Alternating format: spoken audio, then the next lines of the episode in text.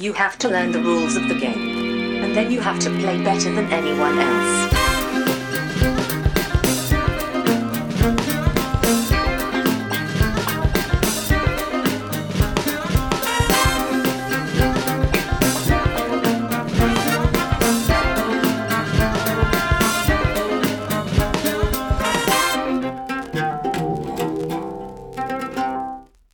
Hej och välkomna till Vems tur är det mellan turerna? Podcasten där vi pratar om spel. Jag heter Marcus Brisman och med mig har jag som vanligt min bästa vän och kollega Waldorf till min Statler Johan Gärderud. Hej Marcus! Nu, nu Hej. tog du mig på sängen i en referens jag inte riktigt är med på.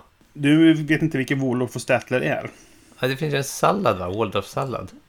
det är korrekt, som är döpt efter ett hotell. Men det finns ingen Och, eh, Statler-sallad? Nej, men det finns ett Statler hotell, gör det. Ah, jag förstår. Kan det vara hotellrivaler i New York? Det kan det vara, men karaktärerna som jag tänker på nu, det är de här eh, gamla sura gubbarna i Mupparna. Ah, förstås. Ja, ja. ja, och det är klart det är vi som är dem. Ja, precis. Så, eller möjligtvis bitter och tysk då, som skulle kunna vara Ja, just brädspel Sveriges eh, Waldorf och Statler. Eh, Ja, men, eh, ja, precis. Vi kanske ska spara det tills de blir gäster i vår, eh, i vår Ja, podcast. Nu är det för sent. Men i alla fall. Ja, precis. Sen kan vi inte ha dem som gäster längre. Nej, precis. Vi vet inte ens om de vill. Så att, ja. Nej, det är Nej. sant. Det tror jag de vill. De är väldigt trevliga. Så att, eh, och vi vill gärna ha med dem i, i ett, ett ämne som, där vi pratar om var det verkligen bättre förr. Tänker jag. Men eh, det vore kul att spela in det ansikte mot ansikte istället för över nätet. eh, Sådär. Så när det är mindre pandemi kanske vi kan klämma ur oss det. Vi får se. ja, vi får se. Hur som helst. Ja, Hur är det med dig? det är bra. Tycker jag. Mm. Det är varmt, men annars är det bra. Så är det. Men hur är det med dig, Brisse? Det är bra. I inspelande stund så har jag fått min andra dos vaccin. Så att det känns väldigt bra. Heja. Så förhoppningsvis kanske man kan träffa människor snart. Och det vore ju kul. Man kanske kan få spela ett lite spel som bara legat på hög och samlats eh, under senaste typ ett och ett halvt året nu mer eller mindre. Ja, precis. Jag har alltså... Jag har på något sätt... Jag har på något sätt... Jag har som en, liksom en damm, man kan säga. En, en damm med spelintresse. Ja, Och den har fyllts upp på något vis. Så att jag är liksom så här... ja okej. Jag, jag känner inte att jag vill ha mer spel nu för det är sån ångest över att de spelen jag redan har som jag måste spela. Plus de spelen Mm. jag har väntat på att sälja tills pandemin är lite över så man kan våga åka runt och träffa folk. Liksom. Just det. Ja, precis. Ja, nej, men jag har ju köpt spel under pandemin. Det har jag definitivt gjort. Jag har fått recensionsex av spel. Så jag har inte riktigt så. Men jag, jag har ju också insett att det, det är ohållbart att köpa allting jag är intresserad av. Nej, Det, det är inte så att jag inte har köpt spel under pandemin. De ligger ju här liksom. Ja, Men det känns nu så här, alltså. Det, det, det är för mycket.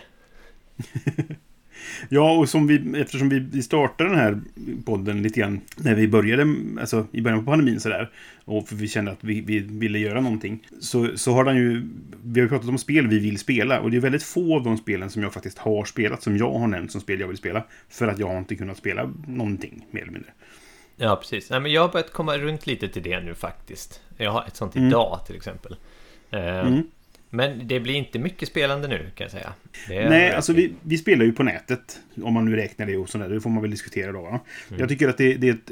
Eh, det är ett okej substitut, men det är, det, är eller, det, det är ett substitut. Det är inte ett bra substitut, men det får duga liksom, tills vi kan träffas på riktigt. Så att, eh, det, det har, ju- man får ju ut liksom det värsta spelsuget sådär, kan man, kan man åtgärda lite. Men, men det är inte riktigt samma sak, det tycker jag inte. Nej, precis. Nej. Nej, så det, jag håller med. Det ska bli kul eh, när vi får i oss lite vaccin och, Mm. och det, det går ner lite i kurvorna så att man kan träffas igen. Precis, det känns som att det är på väg åt ett håll i alla fall. Och det Mm. Det kan vi enas om. Sen kan det vara så att när ni lyssnar på detta så, så är det efter sommaren, antagligen. För att vi spelar in detta före semestern. Ja. Vi spelar helt enkelt in detta i förväg. Ja, som vanligt. Mm, som vanligt. Det är inte live. För då vore det radio. ja, precis. Spelradio heter vi. Spelradio heter det. Ah, Ja, jag, Mm. jag insåg vilken fälla jag la för mig själv. Ja. Nåväl, Ska vi gå till vårt första, eh, vår första programpunkt? ja vi kör på.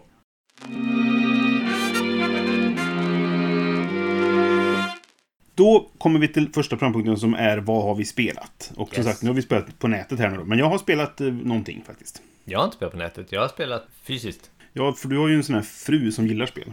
Ja, fast det här är ett solospel så att... eh, Okej. Okej Hon- hon Jag har faktiskt också spelat ett solospel. Du kan få välja så här igen, vilket du vill att jag ska prata om. Ifall du vill. Eller så kan du få börja, så kan jag välja det sen. Ja, det är kanske bättre att jag börjar då, så får du välja sen. Mm, kör. jag, tror, jag tror inte vi har samma faktiskt. Nej. Jag har nämligen spelat Veil Wraith. Ja, just det. Som du pratade om att du ville spela. Ja.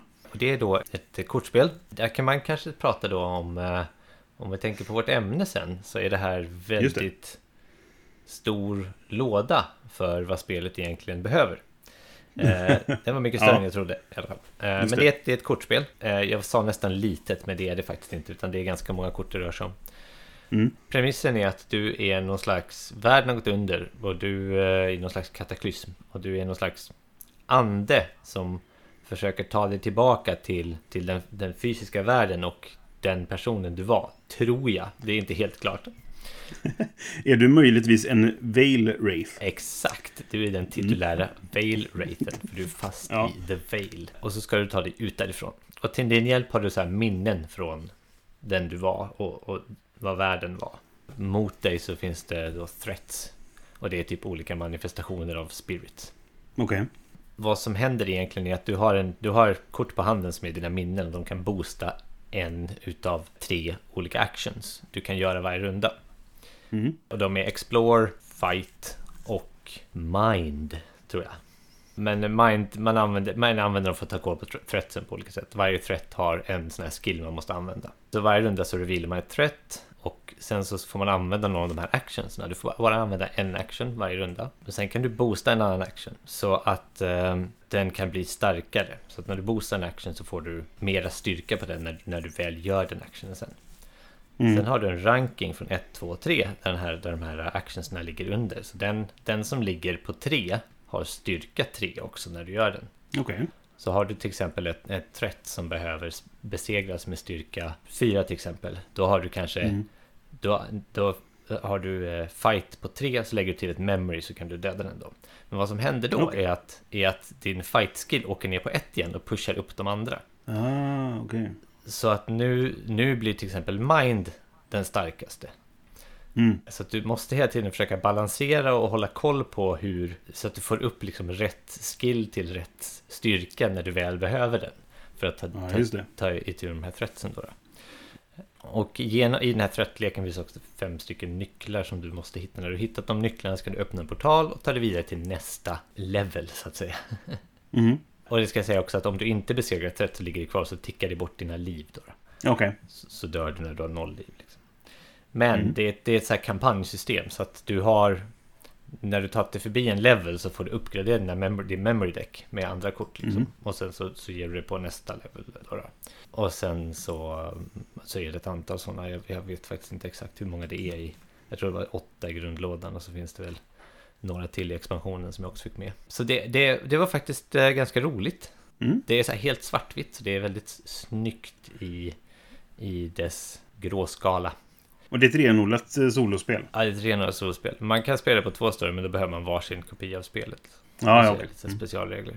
Men eh, nej, det, det var kul, men det var riktigt svårt. Okej. Eh, jag har inte kommit förbi första leveln ännu.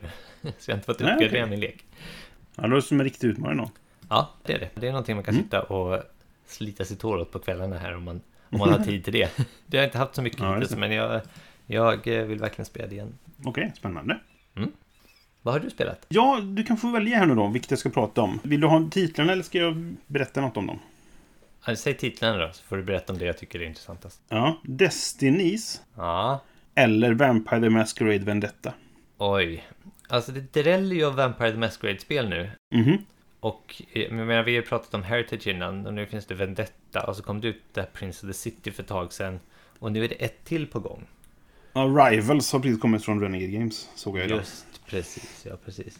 Nej men prata gärna om Vampire för det är någon slags... Chapters finns det någon som heter också. Ja, förlåt. Ja, tjenis. Okej, det hade jag inte ens på min radar.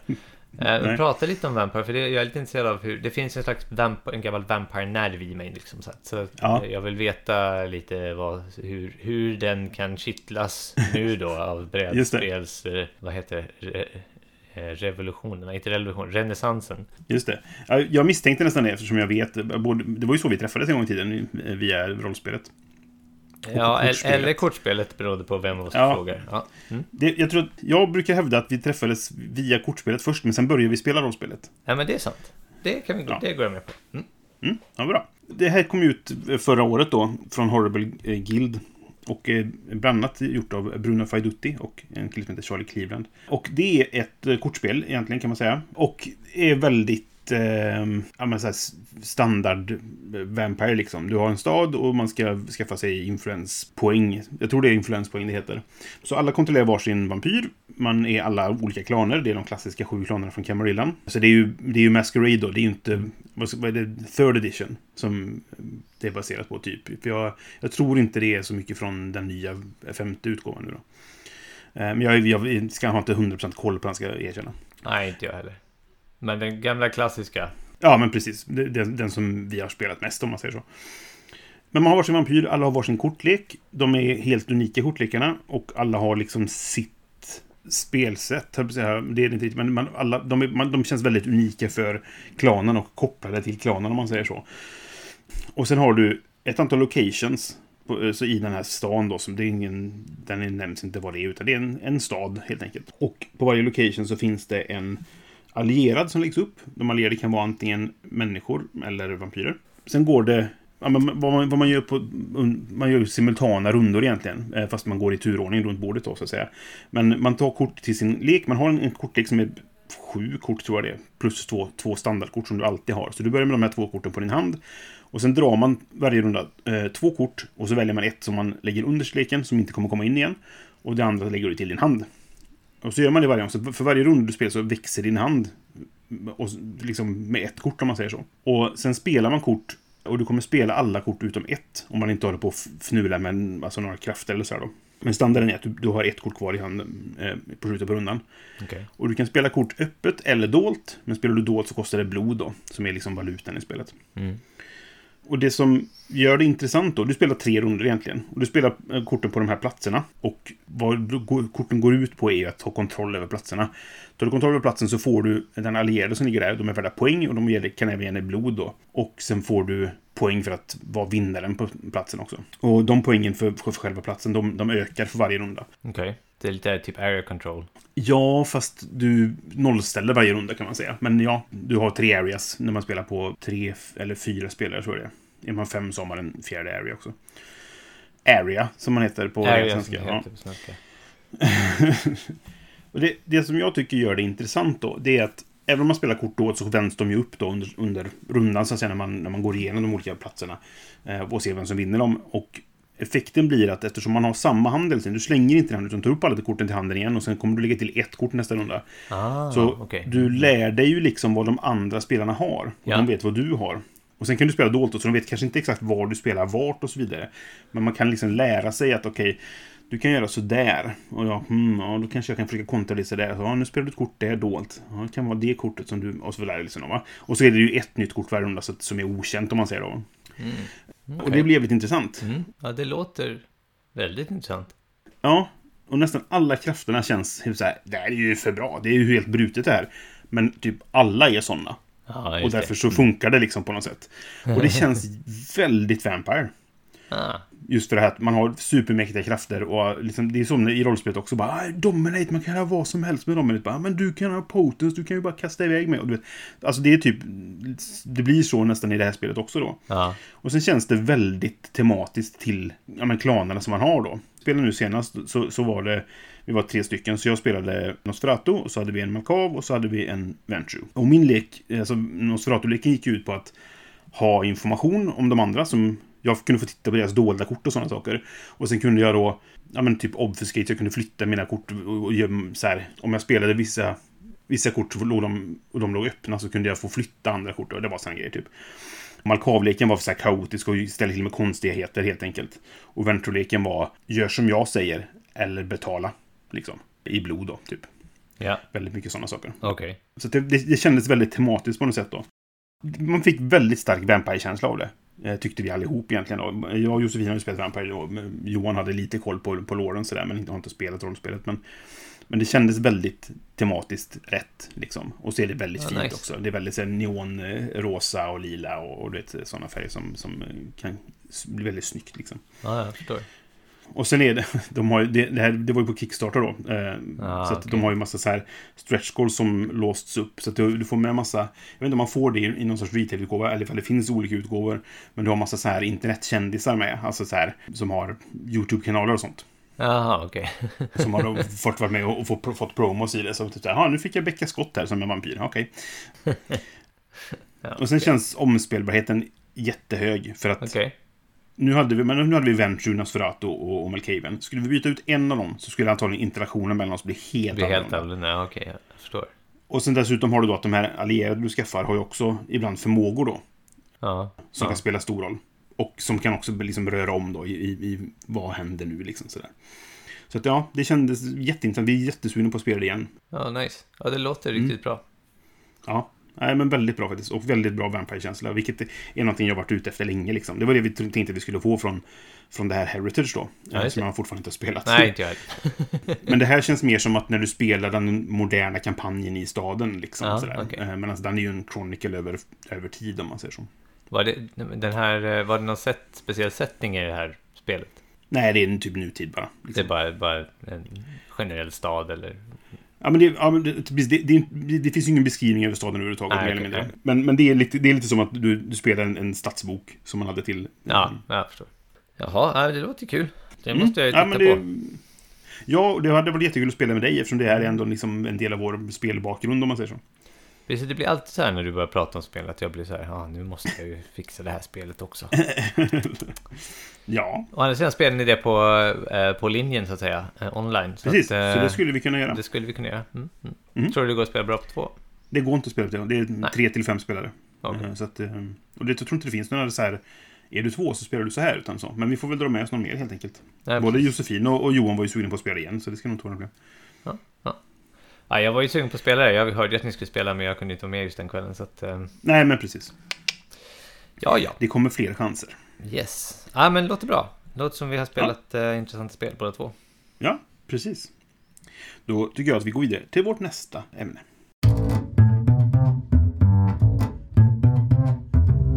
Ja, vad är ämnet egentligen den här gången? När du, kära lyssnare, tittade på, när du hittade det här avsnittet så stod det ju att det hette Bra för vad det är. Och då undrar du kanske, vad menar vi med det? Och det ska vi försöka förklara nu. Ja, precis. Det kom sig ju av, av att vi hade en diskussion. Det är ju mitt fel, så att säga.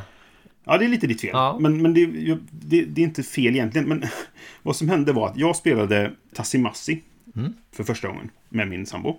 Just det. Och det är ju ett mikrospel, alltså det är 18 kort. De har ju varje år har de en sån här 18-korts eh, Game Design Challenge någonstans. Jag kommer inte ihåg vart det är någonstans. Och den här vann något år eller var med i finalen eller hur det nu var då. Så det gavs det ut. Så det, det är ett mikrospel, det är bara 18 kort i spelet egentligen. Och då spelade jag det och så tyckte jag att det här var ju kul. Och då sa du, ja, det är bra för vad det är. Mm, precis. Och då reagerar jag på det lite grann genom att säga, tänka så här att kan det inte bara få vara bra? Ja, precis. Måste man säga för vad det är liksom? Men samtidigt vet jag ju att jag har ju sagt det här själv massa gånger. Jag säger ju, använder också det här uttrycket och det, man hör det ganska ofta tycker jag. Det intressanta som jag tänkte det var ju att det är bra för att vara så litet. Men Mm, det är inte heller precis. riktigt rätt tänkt. Alltså så här, Nej, bra för vad det är är en sak, men bra för att vara litet är en annan sak. Och du har ju helt rätt. Liksom, en spelupplevelse torde väl vara jämförbar oavsett om spelet är stort eller litet. Precis. Och det, alltså... Du kan ju få en väldigt djup spelupplevelse även med små medel. Det här är ju någonting som jag pratar väldigt mycket om. Det här med att jag gillar när ett spel gör mycket av med små medel. Mycket Precis. spel i liten låda brukar jag prata om. Och det var lite så jag tänkte också. Mm. Men det kom ut fel. Det kom ut på ett sätt både du och sen nu jag i efterhand reagerade på. Varför sa jag så Ja. egentligen? Ja, men precis. Och det var det som födde den här tanken om att vi ville prata om detta. Mm. För det är någonting som jag tycker sägs ganska ofta. Och det sägs oftast i negativ klang. Man, man ser lite grann ner på de små spelen för de är inte lika mycket värda på något sätt som de stora svulstiga spelen, vad det nu kan vara då. Liksom sådär. Och jag tycker att det är lite synd att man tänker så. Ja, det tycker jag också faktiskt. I alla fall nu när jag har tänkt på det. Ja, Och då var vi klara med den på den punkten, Ja, så vi håller med Pang, varandra. pang, nej. Eh, Så här, jag, när jag tänkte på Mm. det här så, så, så det, det som jag vet inte, det som jag indirekt gjorde var ju att förminska din spelupplevelse. Men det var inte det jag Ja. menade. Jag menade ju att Nej, det var ju det jag reagerade på. Jag blev Ja, lite sur först. Och så hade vi en diskussion om det som blev jättebra och ledde till detta. Så det, det var ju bra så sett. Men Men vad jag menar var att det gör mycket med små medel, precis som det du brukar Ja. säga. Liksom. Och, och, och det gör det ju. Men jag, jag, när jag tänkte på det här så tänkte jag så här, jag ser, så här ser jag på det, det här kan vi prata om då. då för att, eh, Mm. Jag tycker att en spelupplevelse är något helt unikt, som kanske inte till och med är unikt per spel, utan unikt per spelrunda. ja, Till och med, eller speltillfälle ska jag kanske säga. Kanske till och med unikt per sällskap man spelar med. ja. Och jag tror att den spelupplevelsen är jämförbar oavsett vilket spel du spelar. Det spelar ingen roll om du spelar ett så här sju dagars, det här som Åke spelar. ASL. ASL heter det, just det. så där. ja, eller, eller om man spelar liksom, eh, ja, som sagt, Tussivuts med, med, eh, så du får ju ut en, en spelupplevelse som är liksom en positiv känsla. Och det är den känslan vi letar mycket efter när vi spelar spel. Och, och den sociala biten är också inbakad i det. Och där tycker jag man kan jämföra alla spel på den nivån så att säga. Sen finns det Jo. tycker jag också... Ja, förlåt, du kan få... Nej, jag skulle, jag skulle bara flika in att det är någonting som, när vi pratar om det här med, med topplistor, som vi, alltså när man, det stod på topp 100-listor som jag precis har avslutat inspelningen av med Mindy-gänget nu då. Just det. För då, då sätter man ju ibland spel mot varandra som är svåra att jämföra. Jag skulle kunna ha Tassi-Massi på den listan. Nu vet jag inte om det passar, men säg exempelvis då. det- kan bli att när man väljer så här, vill du spela det här eller det här? Och då kan det bli Tassi-Massi mot Tekenno.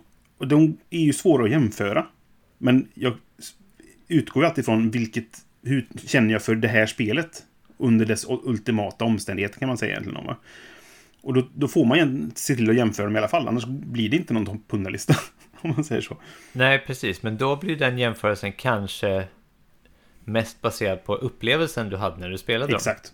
Ja, men precis. Men sen, sen tror jag att det finns en, en annan aspekt på det här. Och det är själva utmaningen i spelet. Mm.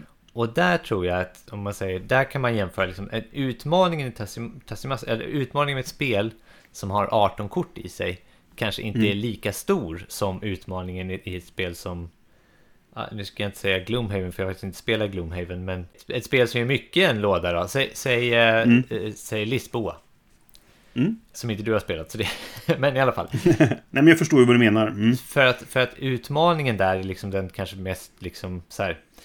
Eh, Jag ska inte säga kognitiv utmaning för det är inte heller rätt. Men, men liksom pusselbitarna och hur de olika mekanikerna jobbar ihop och sånt. Det är också en del av liksom någonting som är positivt med spel. Men som jag vill kanske gärna i, i det här fallet koppla ifrån totalupplevelsen. Även om det, de, de går ju hand i hand såklart.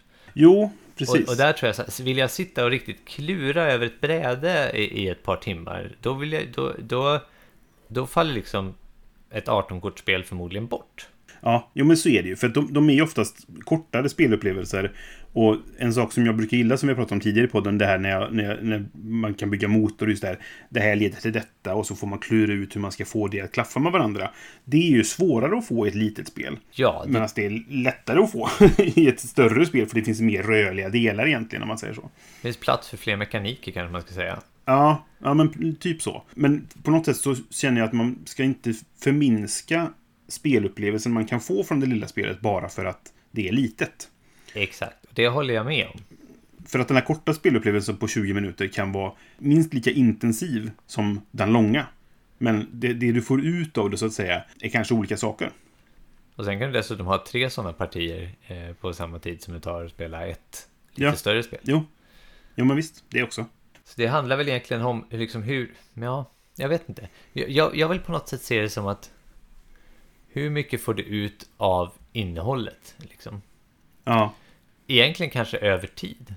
Ja, ja, du tänker sammanlagd sp- speltid liksom. Jag är lite krass nu, men eh, Ja, men jag förstår vad du menar, för att det, det är ju som du säger. Kollar jag på antalet omgångar, nu, nu är det inte en liten låda specifikt då, om man ska dra någon sorts just med fysiskt litet också. Men, men säg som Red Rising, som jag har spelat väldigt mycket nu. Jag har spelat ungefär 50 omgångar. Och det är ett snabbt spel.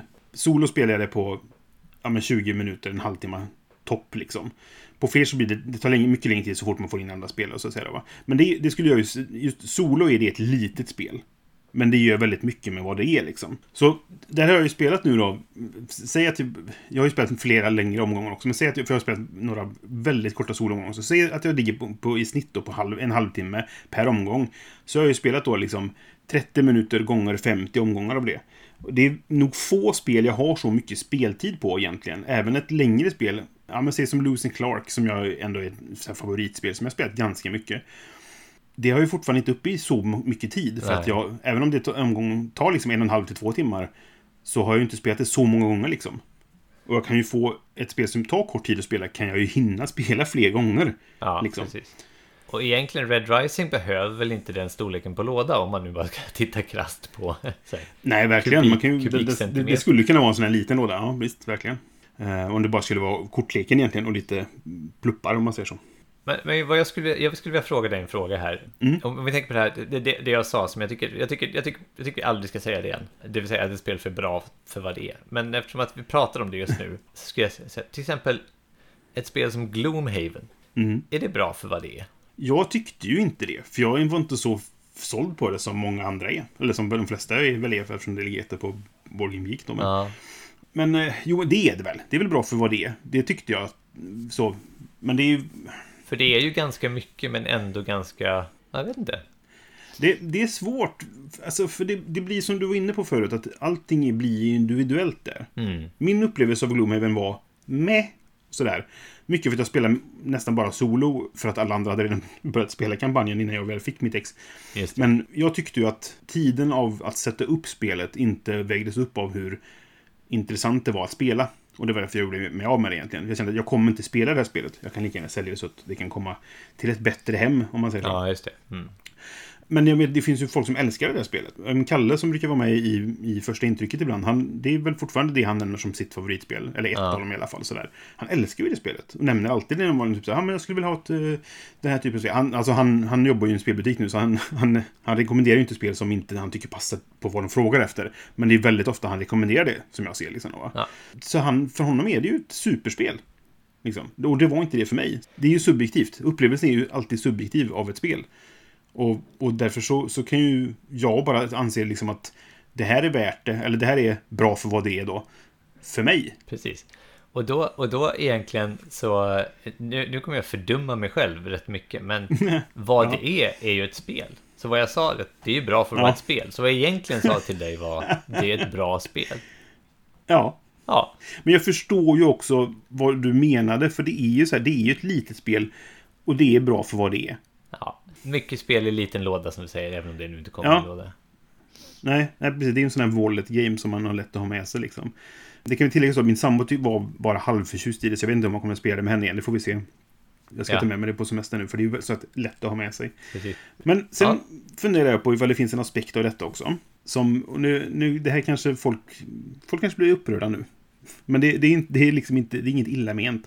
Men det finns väl ändå lite grann av ett mått av att man ska gilla tunga spel, annars är man inte riktigt en spelare. Ja, jag vet inte, är det så verkligen? Jag, jag, ty, jag tycker inte att det är så, men jag tycker att det finns, den, den attityden finns på sätt och vis. Ja, jag vet inte om det är så. Eller det, det är lite så här, vi hade någon diskussion om det här om typ att folk hade sin egen brädspelspersona Ja, i något tidigare avsnitt. Och jag, jag tycker att det är väl onödigt. Man ska väl vara den man är. jo, vilket vilket precis. tycker att då om man inte gillar stora tunga spel så ska det också vara okej då. Alltså jag är ju inte, jag, jag tror inte jag har upplevt det där. Nej, och jag ska inte säga att jag har upplevt det och folk sett ner på mig för min spelsmak.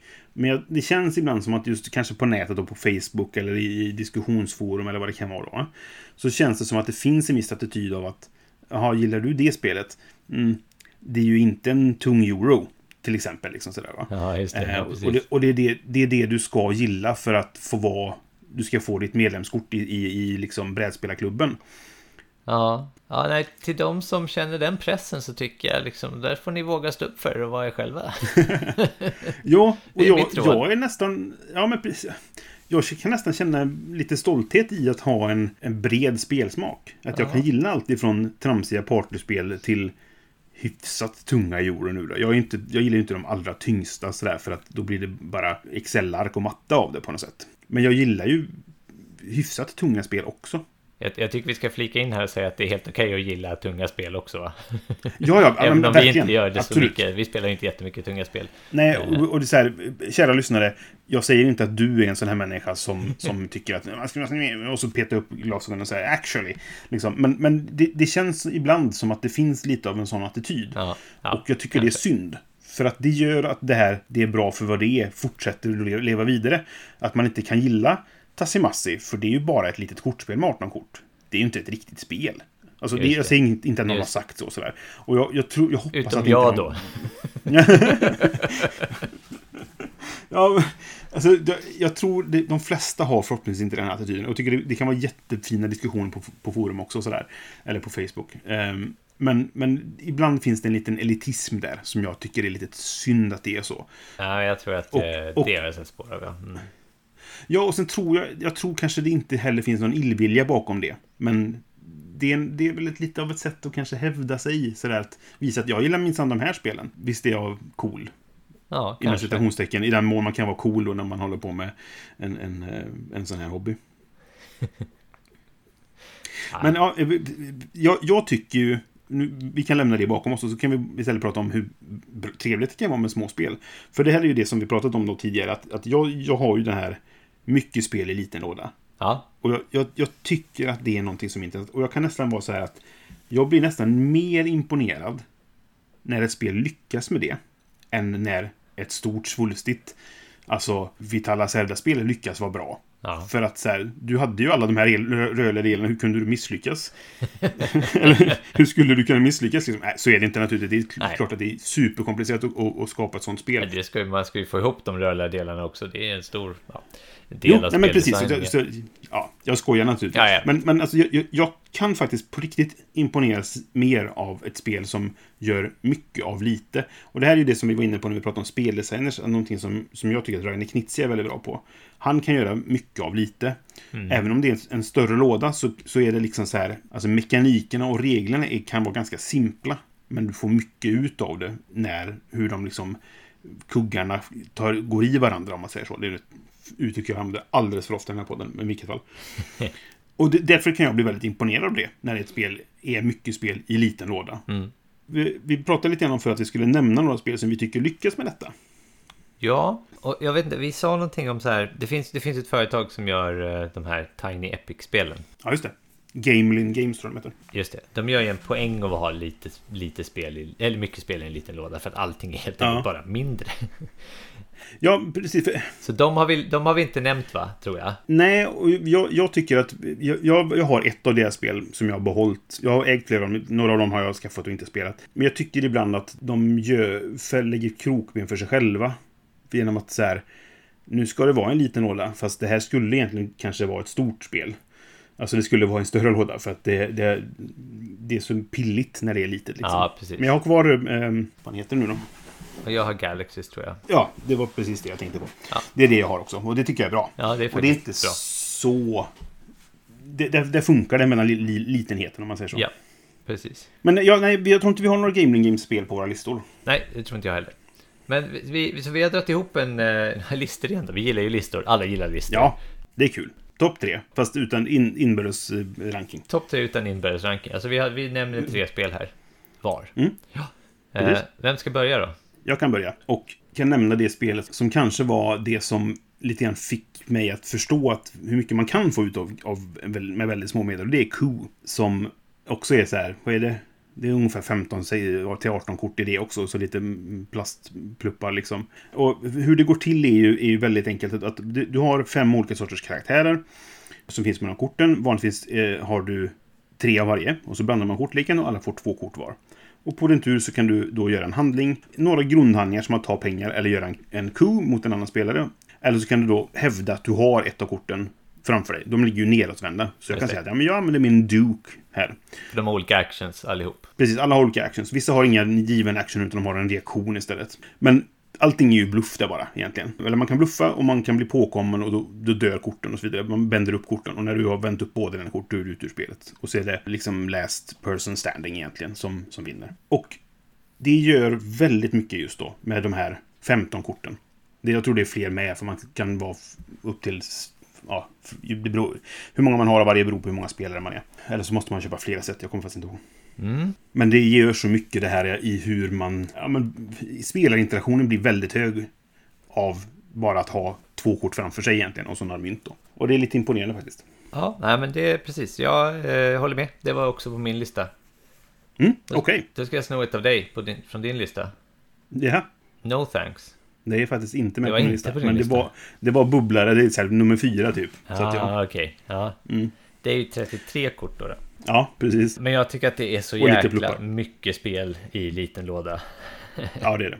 För där har du ju liksom, du lägger upp ett kort. Vad är det om du inte vill ha det kortet, så, eller så går det till nästa spelare. Vill du inte ha det kortet så måste du lägga in dina tokens. Ja, Och, eh, och det är set collection egentligen. Eller så man, man, man samlar liksom eh, serier, nummerserier. ja för du, alltså korten, de är numrerade som du säger då från 1, eller vad är det, från 3 till 33 eller så. Det finns inga ettor tror jag. Men i vilket fall, poäng är dåligt i spelet. Poäng du vill då, inte ha några poäng. Ja just det, och du får, eh, anledningen att man samlar på nummerserierna är att när du, du får alltid poäng för ditt läg, om du har en serie så får du poäng för ditt lägsta va? Ja, precis. Så har, har du eh, 10, 11, 12, 13, 14 så får du bara 10 poäng för dem. Men har du då 10, 11, 12, inte 13 och sen 14, då får du 10 plus 14. Just det, precis. Eh, och det är dåligt. så då, då vill man ju helt enkelt... eh, Till saken hör också att du blandar kortleken och sen tar du bort sex eller sju kort. Just det, så att man vet inte exakt. Man vet inte vad som kommer dyka upp. Och om man då inte lägger en token så, så måste man ta kortet. Liksom. Ja, och tokensen, de är värda minuspoäng. Så de är bra att ha, liksom då va. Precis. Men de är ju också valutan som du slipper ta med, så att säga. Exakt. Eh, Och du får, du får ju, när du tar ett kort så får du alla, alla som ligger på den. Som brukar prata om att man mjölkar kort. Om jag sitter med liksom 26, då kan jag ta 27, för det kommer inte kosta mig någonting. Precis. Men det är bättre för mig att försöka få ut så många mi minuspluppar som möjligt då på er. Men till slut kanske någon tycker att ja, men det är värt för mig att ta den här kanske till slut för nu funkar ganska mycket pluppar och du... Nu kan du inte bygga vidare med att ta 28 senare till exempel och sånt då. Så att, eh, ja, nej, jag håller med dig. Det, det är väldigt mycket spel i liten låda. Ja, jag tycker man får så himla mycket ut av det och som sagt, det tar kanske Mm. 20 minuter att spela man kan spela en 3-4 runder och vem som helst kan spela det. Men Ja. du behöver inte alls vara gamer eller någonting för att spela det. Jag har spelat det här med Nej, men verkligen. liksom, min, eh, min frus föräldrar och sådär. Så att, eh, nej, det, är- det är verkligen... Ja, nu, nu var det väldigt länge sedan jag spelade, men ska jag gissa på ett av de spelen jag har spelat mest omgångar av, av alla jag har spelat, liksom, så ligger nog det här väldigt, väldigt bra till. Det, Coup och eh, The Resistance är nog de som ligger högst på min Ja, lista. det. Av antal spelade tillfällen liksom. Och Red Rising kanske? Ja, det närmar sig ju. Det är ju halvvägs i alla fall till, eh, till eh, eh, Resistance-siffrorna. Ja, ditt nästa spel då? Ja, det är The Cousins War. Ah, just det. Som är en väldigt liten låda. Ja. Och det här är väl nästan lite grann på gränsen till det här med att Tiny Epic, att det skulle kunna vara en större låda. Men egentligen behövs det inte för att du... du vad det handlar det är ju alltså Rosornas krig i England på eh, talet. Mm. Eh, Historia är inte min starkaste. Så, men, eh, och du, du har en, en liten karta som är, visar liksom eh, regioner i England. Och sen har du en kortlek typ. Och så några pluppar egentligen. Och det är ett spel för två spelare. Men på något sätt så är det, det blir väldigt mycket av det lilla det är. Det, jag kommer inte ihåg vad de sa nu när, vi, när vi, de sålde in det här för oss. Vi gick runt på Essen och så var det någon som sa så här. Ja men vad tror du, vill du höra något om det här spelet? Jag bara, "Ja, visst, du har 30 sekunder på dig, för sen måste jag springa vidare liksom. Han bara, ja men då får du hisspitchen liksom. Han bara, och så, jag, jag bad honom ge mig hisspitchen och då sa han, ja okej, det är som en blandning mellan Liars Dice och Spel X som jag inte kommer på nu, vilket det var. Och jag bara, ah, intressant. Du har mer tid på dig. Säg mer liksom.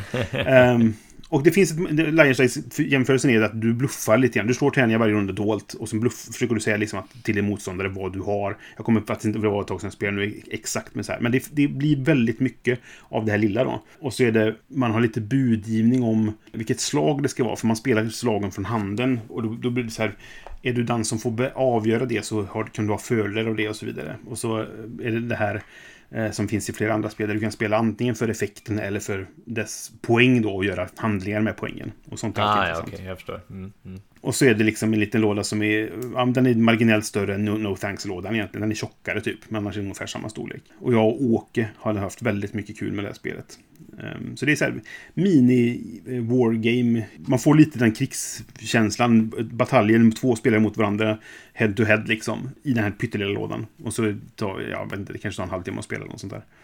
Ja, det. Eh, Så det, det, det ska man kolla upp absolut, om man får chansen. The Cousins War kan jag The säga ändå, så man kommer ihåg var. jag sa. Mm. Då drar jag till med ett då. Mm. Pocket Mars. Ah, okej. Eh, Det är också en liten låda, men det är så här ett ganska ändå komplicerat kortspel som ryms där i. Mm. Det är 55 kort, Just det. så lite mera kanske. Men eh, allting går ner liksom i en låda som är lika stor som, ja, jag antar Cousins War. Nej, Det, det känns som att det finns en liksom så här pocket-storlek på, på, låda, Ja, det, på det, låda. jag, jag skulle ju säga att Pocket Mars är lite för stort att ha i fickan egentligen. Ja, det beror på hur stora namnet då. fickor du har.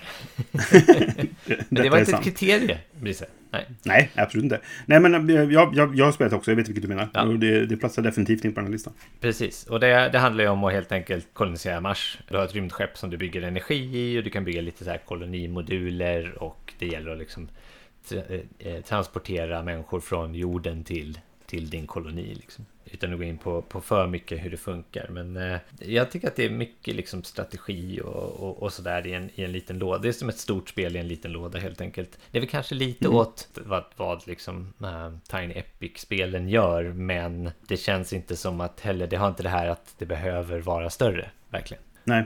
Nej, så eh, utan att gå in mer på det kanske, utan mer lämna det åt folk att upptäcka, så, så Pocket Mars är, på min lista. Ja, jag gillade nog det, men jag har gjort mig av med det. Mm. För att jag...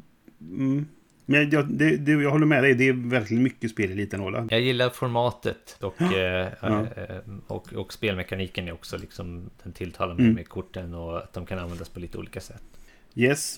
Mitt sista spel då är ju det spelet som egentligen är det ultimata för mig då. Mm. Så det, här, det, det skulle vara ettan ifall det skulle vara i någon sorts ranking då. Ja, Och det är Capital Lux. såklart. Ja, det var väl ganska givet att det skulle vara på min lista. För det, det är det. här som jag alltid nämner när man pratar om, om mycket spel i liten låda. Och det har också den storleken på låda, va? ungefär som Pocket Mars. Nej, det är lite större Lite faktiskt. större, okej. Mm. Ja, hur som helst. Eh, det, det innehåller 80 kort, så det är lite mer så. Det är en lite större kortlek. Men det gör så otroligt mycket med de korten. Tycker jag då. Jag tror vi kan ha pratat om det tidigare i den här podden, men, men kortfattat så är det så här att du, du har... Du blandar hela kortleken. Det finns fyra olika yrken. Du har, I mitten på spelplanen så har du huvudstaden, Capital Lux. Där du har en rad för varje yrke, så att säga. Då? Ja, Och så blandar man kortleken och delar ut kort och sen draftar man. Så man tar två kort tror jag det är, skickar vidare, tar två, skickar vidare och så vidare. Och sen så på din tur så får du spela korten. Du kan antingen spela i staden och då får du effekten som det yrket gör. Eller så spelar du det framför dig och då har det ingen mer effekt egentligen, utan då är det potentiella poäng. ja. För de här är de numrerade också från två till fem tror jag det är. Återigen, ett tag sedan jag spelade, men något sånt Ja. där är det. Är det inte upp till sex? Det kan vara upp till sex. Ja, skitsamma. Ja. Och i slutet på rundan så, eh, och rundan tar slut egentligen när en spelare har fått eh, har tömt sin hand. Då går man ett varv till tror jag det och sen så kollar man då. Och då jämför alla spelare poängen de har framför sig med vad som ligger i huvudstaden. Och har de högre än det som ligger i huvudstaden, då måste de slänga sina kort. Men Ja. har de lägre än det som är i huvudstaden, då får de ha kvar korten. Och sen kollar man vem som har högst summa. Men utan, alltså högst utan att gå över kan man säga egentligen då. Och den spelaren får då ta ett kort från huvudstaden. Just det, just det. Det är, det är det mest värdefulla. Och sen spelar man tre omgångar tror jag det är. Och sen ser man vem som har mest poäng efter det liksom. Och bara den här saken som att du, du kan påverka vad som händer i mitten. Och att du tar bort kort från mitten. Från huvudstaden. När du skårar. Vilket gör att låg jag precis på gränsen. Så kan jag... Då är jag över den sen och då måste jag jobba för att få dit det igen. Men då kanske andra jobbar för att hålla det.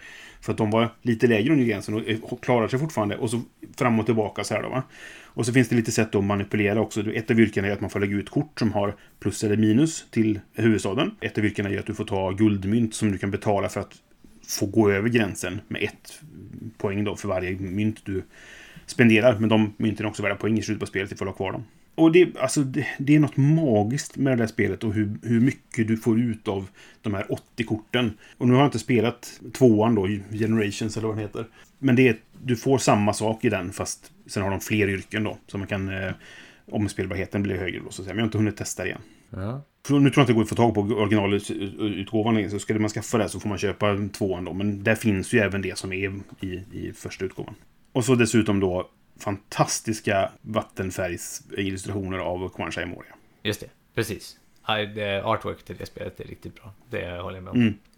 Så nu Dubris, eftersom du tog Coop, då får jag ta min första bubblare va? Ja, gör så. Jag har nämligen så här ett spel som har blivit eh, förminskat. Mhm. Jag vet inte om du minns, vi var i Essen någon gång och jag rotade fram en koreansk publisher där jag köpte ett spel som heter Yoraku. Nej, det kan jag inte säga att jag minns faktiskt. Och det var litet redan då, en typ så här, vad ska man säga, halv Carcassonne-låda kanske. Mm. Det har alltså kommit en ny utgåva nu. Där man har tryckt ner hela spelets innehåll i en eh, låda lika stor som Pocket Mars. Okej. Så att det har liksom blivit så här rever- reversat i storleken. Ja. Så nu är alltså det i pocketformat. Och det är fortfarande... Jag tyckte det var ett skitbra spel när jag fick det. Så att, och jag har fortfarande kvar min gamla utgåva. Men jag, jag, jag var tvungen att köpa den nya utgåvan också. För att det blir så himla mycket mer portabelt. Och vad, det är ett trick-taking-spel. Så att eh, vad, vad som händer är att du, du följer så den japanska Shogun tror jag det är. Smash mot Tokyo.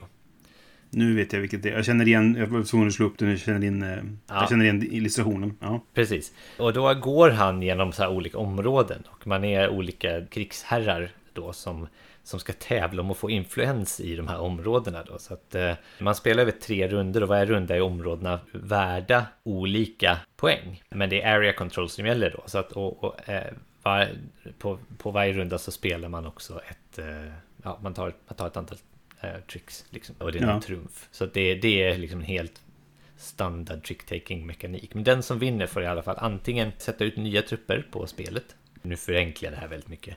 Eller flytta runt sina trupper då. då.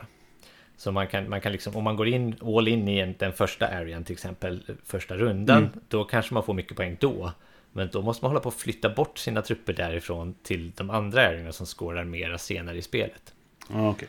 Så, så det, det är så det är, så spelar man över tre runder då och så är det hela tiden den här lilla trick-taking-mekaniken och så man får tänka på liksom hur man ska spela. Så har man några specialfigurer också som Mm. kan göra lite extra liksom. Nej, så det, det är ett spel som jag verkligen tycker tyckte var bra när jag, när jag liksom fick det första utgåvan och nu har jag sett att det kommer ut en så här pocketutgåva. Det är faktiskt bara ser ut som 20, 21 plus lite extra kort, så kanske 30, 30 kort eller 35 kort. Mm. Och så, men det är en hel spelplan som trycks ner i den här lilla lådan då, så det är en massa tokens. Då, Just det. Jag, jag är så imponerad. Det är därför jag ville ta upp det här. Att det var ett liksom Ja. mycket större spel innan, men bara om att man har gjort typ man har gjort om spelplanen, man har gjort en liten och så har man delat upp den i så tre tiles som man lägger bredvid varandra istället för att ha en lite större ihopfällbar. Så har man liksom fått ner hela spelet i en jätteliten låda istället. Ja. Som man kan ta med sig då. då. Eh, mycket lättare. Tittar jag på bilderna så, så skulle, ser det, det påminner nästan lite om Cousins War. I utseende och liksom sådär. Ehm, Ja, det gör väl det lite va? Ja, det känns kanske. så, eller bara, bara en, vid en snabb anblick. Ja, det är ju, det är ju färgglada kuber som man eh, använder för Mm. area control liksom. Men det går att spela på fler än två antar jag. Det går inte att spela på två alls, utan det här är tre till fyra. Tre till fyra. Ja. Ja. bäst på fyra står det. Vilket är lite, lite emot mina principer.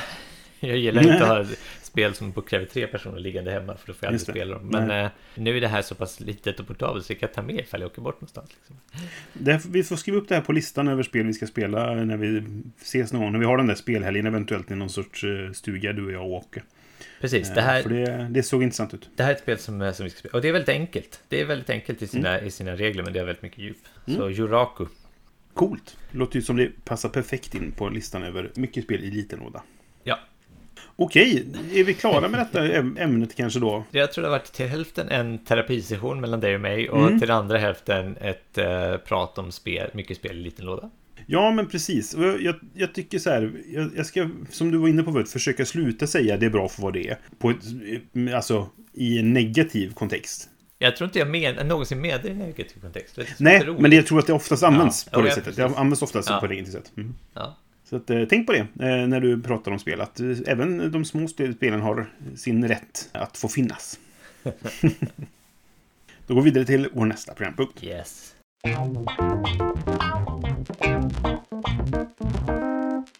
Vi ska prata om våra inte ett speltips-tips.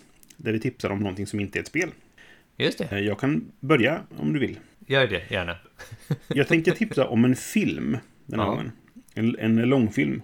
Det är en japansk film som heter One Cut of the Dead. Som är en zombiefilm. Jag tänkte precis säga det låter som en zombiefilm. Ja, jo, alltså det, det är väldigt många som heter just det här Of the Dead. Men eh, ja, det här är en japansk zombiefilm helt enkelt. Och det är svårt att rekommendera den här filmen. För jag kan inte berätta någonting om den, för då förstör jag den, så att säga. Ja. Men det, det jag kan säga är att om du hittar den här och börjar titta på den, håll ut. För du kommer vilja stänga av. Du kommer tycka, vad är det här för skit som Brisse rekommenderar till mig? Men det är så värt att hålla ut och se hela filmen. Aha, intressant. Ja, men, ja alltså det, det, ja, det är väldigt svårt att säga, förklara det. För att då, då kommer jag avslöja för mycket. Liksom så här. Men jag, jag, det var någon som tipsade mig om detta vid någon tillfälle. Jag tror det var i, Mike och Dans, eh, alltså Bradley Board-gruppen, som tipsade om detta. Och han sa ungefär samma sak, så här att Se den, det kommer vara värt det liksom. Och jag var så här i början bara, vad är det här egentligen? Men han hade sagt att jag skulle hålla ut, jag ska hålla ut. Och så gjorde jag det. Och jag var så nöjd med att jag gjorde det. För att det är en så bra film i slutändan. Okej. Ja. Du kommer tvivla på min, min, eh, mina mentala fakulteter, eller vad säger man? Un, under tiden. Det, jag det kommer du göra, för att det, ja, du kommer vilja stänga av och tycka så här, det här behöver inte jag se klart. Men gör det, se klart det. It is so worth it. Jag Okej. lovar. Intressant. Mycket mer så kan jag tyvärr helt enkelt säga då. Så att, uh, One Cut of the Dead. One cut. of Mycket sevärd japansk zombiefilm. Okej. Det är inte så att one cut betyder att allting är, hela filmen är en, ett enda kontinuerligt shot liksom? Lite Jo, som Gravity. ish. Ja. Okej. Det, det är väl typ det. Men jag Det kan inte typ säga det. mer för Nej, oss. jag kan inte säga mer. Men ja. Mm. Intressant. Vad är ditt inte speltips-tips? Ja, jag är lite så här, jag vet inte riktigt om jag ska tipsa om det här eller inte. Nej. Men... Det, Det låter tänk- nästan som vi har samma tips. Nej, nej, det är det inte. Det, är inte. Jag ska berätta Nej. varför jag, varför jag, varför Ja. jag vill tipsa om det, varför jag samtidigt inte vill tipsa om det. Do tell. Och det är, det är ett par serietidningar helt enkelt. Det är Okej. Star Wars Infinite-serien. Mhm. Det här har man nog bara glädje av. Det är min första caveat. Man, man har bara glädje av det här om man är, är lite Star Wars-fantast. Ja. Det är ju du. och jag. Och det är ju jag, precis. Ja. Eh, och Star Wars Infinite är alltså typ samma som Marvels What If. Ah, okej. Och då finns det tre böcker i serien. Det är New Hope, Empire Strikes Back och Return of the Jedi. Och då, och då Just är liksom premissen är så här att ja, någonting hände inte riktigt som det hände i filmen. Och vad har det för konsekvenser?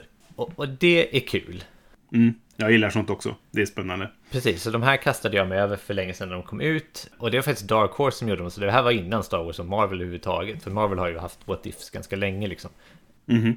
DC har ju också det här. Det he- det heter Elseworld, tror jag, i deras eh, variant. Okej, det visste jag inte. Men i alla fall, ja precis. Så det är väl ka- kanske, det är kanske ett, ett känt liksom, begrepp i serien, i serievärlden egentligen. Då. Men här heter det Star Wars Infinite. Och då är det så här, den första, första filmen är typ så här, ja, Luke ska precis spränga på dödsstjärnan. Och protontorpederna går in, men de så här, detonerar lite för tidigt. Så den sprängs aldrig liksom. Ja, och så, och så tar handlingen vidare liksom. Mm. Den andra är att när eh, Luke slåss mot Vampan i isgrottan på Hoth och flyr så hinner inte Han fram i tid och han dör. Och då handlar det om, om Leia och Han och vad de gör efteråt liksom.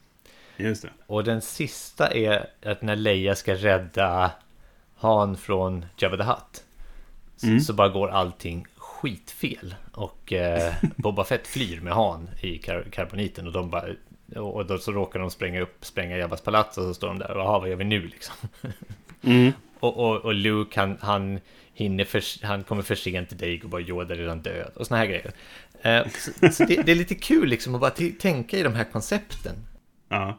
Vad som skulle kunna hänt då. då. Och varför jag är lite, lite tveksam till att tipsa om det här är för att inga av de storylinerna är egentligen särskilt bra. För de tar i Okej. lite för mycket. Men jag skulle säga Empire är ganska bra. Return of the Jedi är ganska bra fram till den allra sista serierutan. Så eh, läs inte Okej. den, annars är den ganska bra. Eh, Men, men det är intressant att utforska det här liksom, alternativa eh, liksom, händelserna på en sån ganska etablerad historia. Liksom. Just det. Ja, men det är kul faktiskt. Det, det låter roligt. Eller jag gillar idén. Som Ja, sagt, det kanske är precis. bättre, en Jag- bättre idé än genomförandet. Jag, jag tyckte nästan det, man- så kan man sammanfatta det här, precis. Mm. Nej, man, tycker, man tycker så här, om, om man hade gjort det här nu så hade man förmodligen koncentrerat sig på att vara lite mindre, typ så här, folks-episk. Mm, mm. och och då, kan- då kan jag argumentera att ja, Empire är faktiskt det och som sagt Return är också det till, fram till sista serierutan. Ja, mm. Ja, okej. Ja, nej, alltså, jag gillar What If. Jag har läst en del Marvel och sådär. Och jag ser fram emot den här animerade serien som de ska göra. eh, What If Marvel då. Just ja. Mm. För sånt är lite kul faktiskt. Sådär. Och du inspirerar mig nu också nu, så nu vet jag vad jag ska prata om i vårt nästa, inte speltips-tips. Jag ska prata om eh, Star Wars-böcker. Så får ni eh, hålla er på halsen till nästa avsnitt. Oj då. Ja, då kanske Mm, jag har lite ni att säga till spelar dem också. Mm, det kan ja. Bra tips, eller inte. Nej, precis. Bra tips eller inte. Men tips var det i alla fall. se det. Ja, precis. Då går vi till vår sista programpunkt.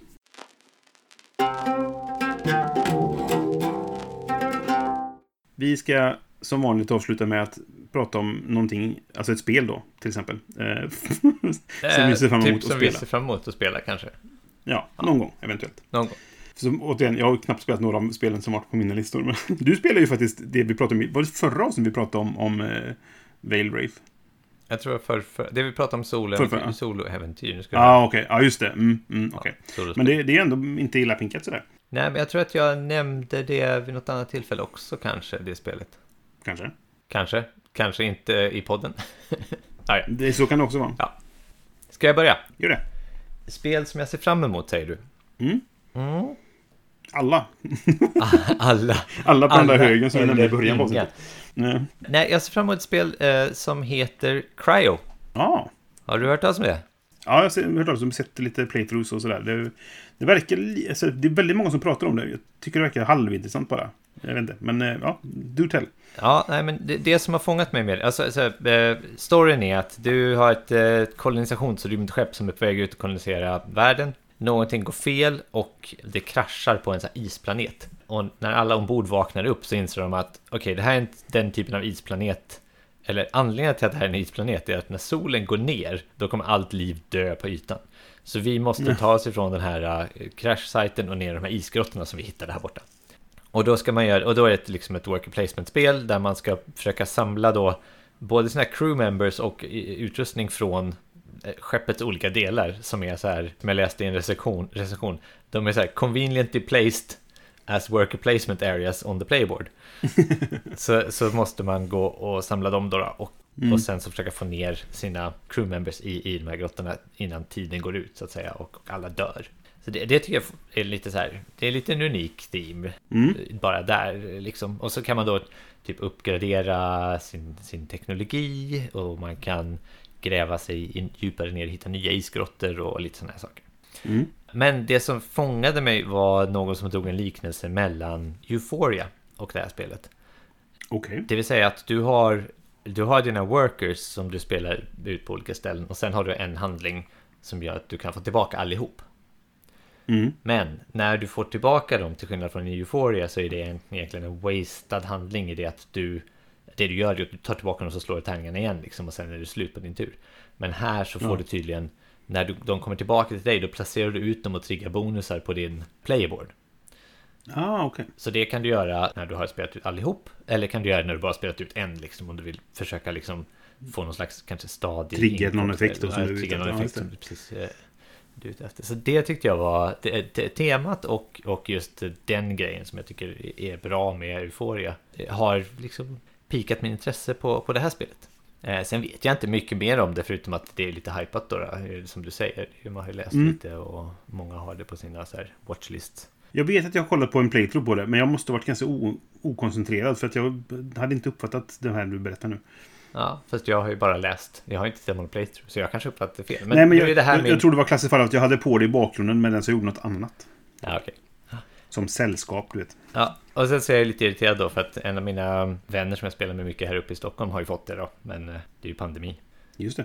Men det är bra att det finns där så att jag kan liksom eh, eh, pressa honom lite när, när vi väl kan träffas igen. Precis.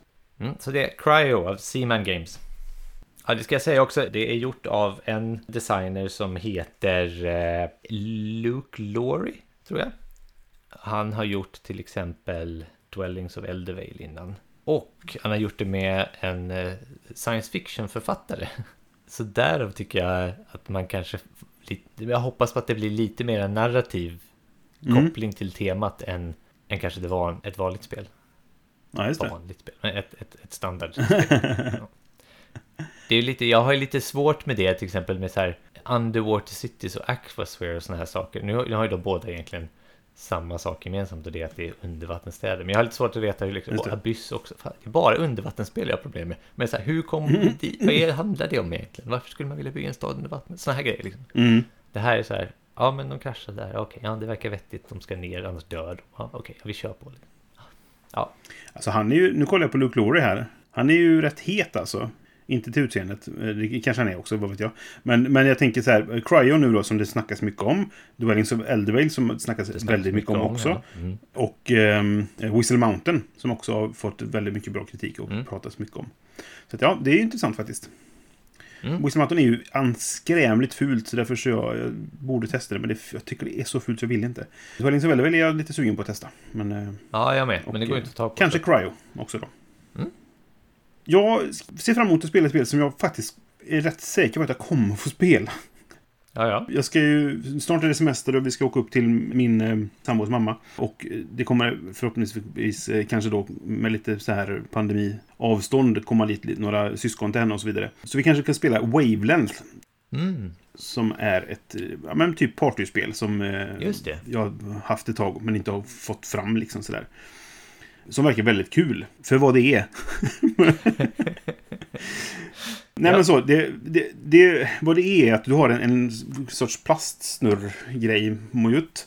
Som du, du snurrar fram, en spelare eh, snurrar fram dolt då, en, en mätare som är liksom ja, men en, en eh, 180 graders mätare om man säger så. Och så får den spelaren titta och se vart, vart pekar liksom den här eh, grejen nu då. Och sen så stänger man och så de- så inte man ska råka se. Och så har man ett kort som säger eh, på ena sidan så har du eh, kallt och på andra sidan så har du varmt.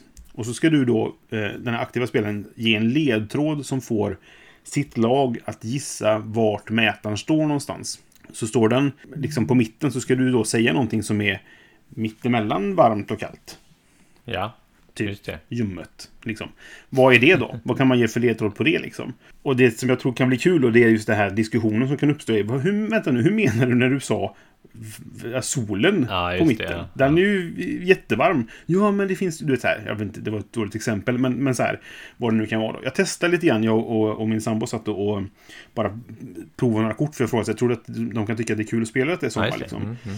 Och prova lite grann fram och tillbaka så här. Och det finns två nivåer på korten, de som är lite mer abstrakta så. Så vi hade en, en typ så här, den ena sidan var hundnamn och den andra sidan var kattnamn. Okej. Och f- hur får jag liksom, hur ger jag en ledtråd som ligger någonstans då, vart det nu kan vara på den här skalan? Vad är ett typiskt hundnamn, vad är ett typiskt kattnamn, vad är någonstans mittemellan och så vidare. Jag tycker det är väldigt intressant hur man måste tänka kring hur man ger sina ledtrådar då. Mm. Och eh, även som sagt då diskussioner som kan uppstå när man liksom säger ja men du tänkte så, ja, men det var ju smart tänkt faktiskt, det borde jag ha insett och så vidare, så här hela den grejen då, va. Ja, ja. Så att därför så jag ser jag mycket emot, och jag tror det kan vara bra också för att det här, ja men lära känna varandra lite bättre då, man kan få säga ja du tänker så om det, okej, liksom. Och så kanske det blir bråk också, vad fan vet jag. Jag ser fram emot att spela i alla fall, jag tycker det verkar väldigt roligt. ja jag, jag, jag har eh, sneglat på det kan jag säga. Mm. Jag fick ett recensionsex för det har kommit en svensk utgåva nu. Och jag Ah, okej. väntar lite grann med att spela det tills dess, så jag skulle kunna spela det med ja, men vem som helst utan att behöva sitta och översätta kort och sånt. Då. Ja, just det. Det är en nordisk utgåva ska jag säga, så det, det är Ja. kort med på danska, Ja. norska och Ja. finska. Mm. Och så svenska. Då. Ja, nej, man ska ju som sagt ha tillfälle att spela sådana spel. Ja, det blir svårt, men som sagt, vi, vi, vi har ju faktiskt, det här är ju, de är ju i min, i, vad säger man, inre krets av personer som jag umgåtts med, även under pandemin, eh, lite grann. Så, här. så att det, de, vi är rätt safe med varandra. Precis. Vi får se. Men det, det ser jag fram emot att spela och jag, förhoppningsvis kommer vi, vi kunna få tillfälle nu då under sommaren. Någon sommarkväll när barnen gått och lagt sig. Mm. Det var väl det i det här avsnittet helt enkelt. Det var väl det, ja. Det Ja, blev väl ett ganska bra avsnitt för, eh, för vad det är. precis. Och har du, kära lyssnare, några tankar om det här vi pratat om, eller vad som helst vi pratat om, eller bara förslag på någonting vi kan prata om, eller någonting du har tänkt på, hör jättegärna av dig. Du kan skriva till oss på brisse.spelradio.se eller johan.spelradio.se eller bara kommentera när vi lägger upp avsnittet eller på vår Facebook-sida som är Spelradio överallt. Vi finns på Spotify. Där kanske man måste söka på Vems tur är det i och för sig. Jag vet faktiskt inte. Ja, det måste man nog faktiskt. Ja. Ja, på Spotify tror jag du måste söka på Vems tur är. Men annars så finns vi, eh, sidan, vår hemsida är spelradio.se. Vi finns på spelradio på Facebook och spelradio på eh, Instagram. Där vi lägger upp bilder om vi spelar, vilket inte är så ofta just nu då. Det är lite inaktivt. Men det händer ibland. ja, jag hade en tanke på att lägga upp det häromdagen. Ja, Men sen så spelade jag alldeles för långt så att det, sen tog jag ner det och sen så fast jag skulle ta bild. Ja, Ja. men i vilket fall, det kom, förhoppningsvis kommer vi igång med det där igen mer när vi kan spela. ja, vi lovar att bli bättre. Ja, ja det är vi. Hör jättegärna av er ifall ni har några tankar om oss eller vad vi pratar om. Eller bara om du vill köta lite gött om spel, helt enkelt. Ja. Och så är vi tillbaka i vårt nästa avsnitt helt enkelt och får se vad vi pratar om då. Mm. Som vanligt så är musiken gjord av Robin Landahl. Vi hörs nästa gång. Hej då! Hej då!